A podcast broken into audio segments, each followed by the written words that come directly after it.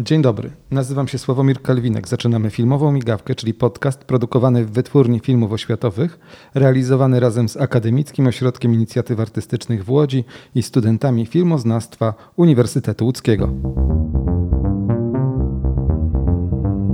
To jest podcast WFO. Dziś w filmowej migawce mamy specjalnego gościa. Właśnie skończył się przed momentem seans filmowy filmu pod tytułem Liczba Doskonała i spotkanie z zaproszonymi widzami. Witamy pana Krzysztofa Zanussiego. Dzień dobry panu. Dzień dobry, dobry wieczór. Jak pan odbiera to spotkanie z widzami przed momentem? Wszystkim się zastanawiam, jak widzowie je odebrali, bo to w tę stronę się kieruje cała uwaga. Ale mam wrażenie, że była żywa rozmowa, że ludzie siedzieli, nie uciekali mam nadzieję, że film do nich dotarł, że takie wrażenie zostawili na mnie. Ja jestem tym filmem no, bardzo zadowolony. Bardzo mi się dobrze go oglądało z tą publicznością właśnie tutaj w kinie Charlie, ale mam do pana takie może podstawowe pytanie. Czy to jest film o nauce, nauce ścisłych, naukach takich, które są zaprzeczeniem wiary, która też się pojawia w tym filmie, a może to w ogóle jest jeszcze o czymś innym film, może to jest o narracji? Nie, przede wszystkim dla mnie nauka nigdy nie jest zaprzeczeniem wiary, jest komplementarna do wiary, bo jest elementem poznania, a wiara też do jakiegoś poznania prowadzi. Natomiast wydaje mi się, że ten rozwód e, rozumu z wiarą, który trwał przez prawie stulecie scjentyzmu, no dobiegł końca. Dzisiejsza nauka otwiera się na nowo na te obszary, które dotychczas wypełniała religia. I myślę, że jest tu wiele nowego do odkrycia i ta nowa epoka przychodzi przychodzi z nową fizyką, przychodzi z tym, że zaczynamy rozumieć, że świat urządzony według reguł Newtona to jest tylko pewne przybliżenie, że wiemy o nim już dużo więcej i wiele z naszych pewności się skruszyło. Okazało się, że one się wcale nie sprawdzają w skali mikro czy w skali makro. Jesteśmy teraz w okresie przedświątecznym, przed nami święta Wielkiej Nocy, a ten film e, w tym miejscu trochę tak wyglądał jak rekolekcje. Rozmowy były bardzo poważne, naprawdę powiedziałbym, że ich waga, waga pytań była też bardzo duża. E, to jest film, który zmusza do refleksji, to jest film, który pozwala myśleć. E, bardzo się różni od takich filmów, jak to pan nazwał, które schlebiają i próbują się przypodobać widzom.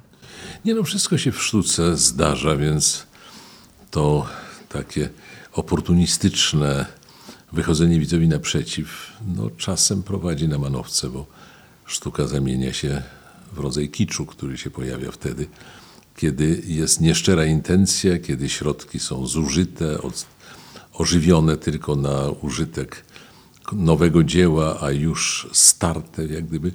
No tego wszystkiego musimy ciągle w sobie w sobie, musimy to w sobie tępić jako artyści i staram się tak robić. W tym filmie jest y, bardzo dobra obsada. Muszę panu pogratulować wyboru aktorów i tego, jak, w jaki sposób oni są poprowadzeni, w jaki sposób wykreowali postaci. Andrzej Seweryn, Jan Marczewski, Julia Latosińska i Jan Nowicki. Jan Nowicki, który już nie żyje, a jest pytany w filmie o to, czy istnieje Bóg. E, to naprawdę daje do myślenia. Oczywiście, zresztą Janek wiedział o tym, że jest już u kresu życia i zgodził się, nawet zaproponował mi, że może zrobić tak zwane cameo, czyli się pojawić na chwilę i powiedzieć coś ważnego, co on, człowiek obyty z wielką literaturą, bo grał w tekstach wielkich pisarzy, no czuł się w tym komfortowo. On to mógł powiedzieć i to w jego ustach coś znaczy, mimo że zdanie jest pozornie bez sensu. Jak wygląda przyszłość tego filmu? E, bo wiemy już, że film e, nawet dostał nagrody, zdaje się, że w Trieście. E, wiemy też, że no, przed nim jest premiera i dopiero taka dystrybucja, która będzie miała mm, szeroka, szeroka dystrybucja w kinach.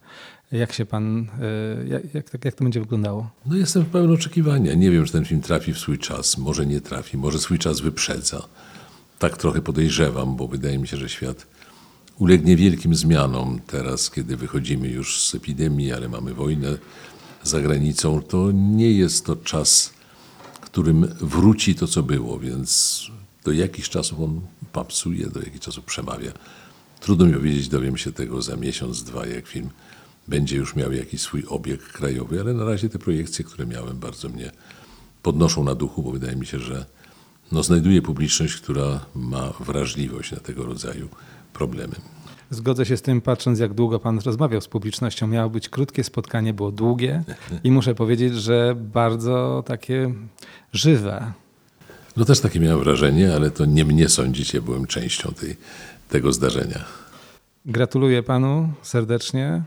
E, no i życzę wesołego Alleluja, bo jesteśmy przed świętami Wielkiej Nocy. No ja także wszystkim naszym słuchaczom życzę dobrych świąt Wielkiej Nocy, świąt zmartwychwstania, świąt odrodzenia, które czy wierzącym, czy niewierzącym zawsze powinny przynieść taki powiew nadziei i niechże przyniosą.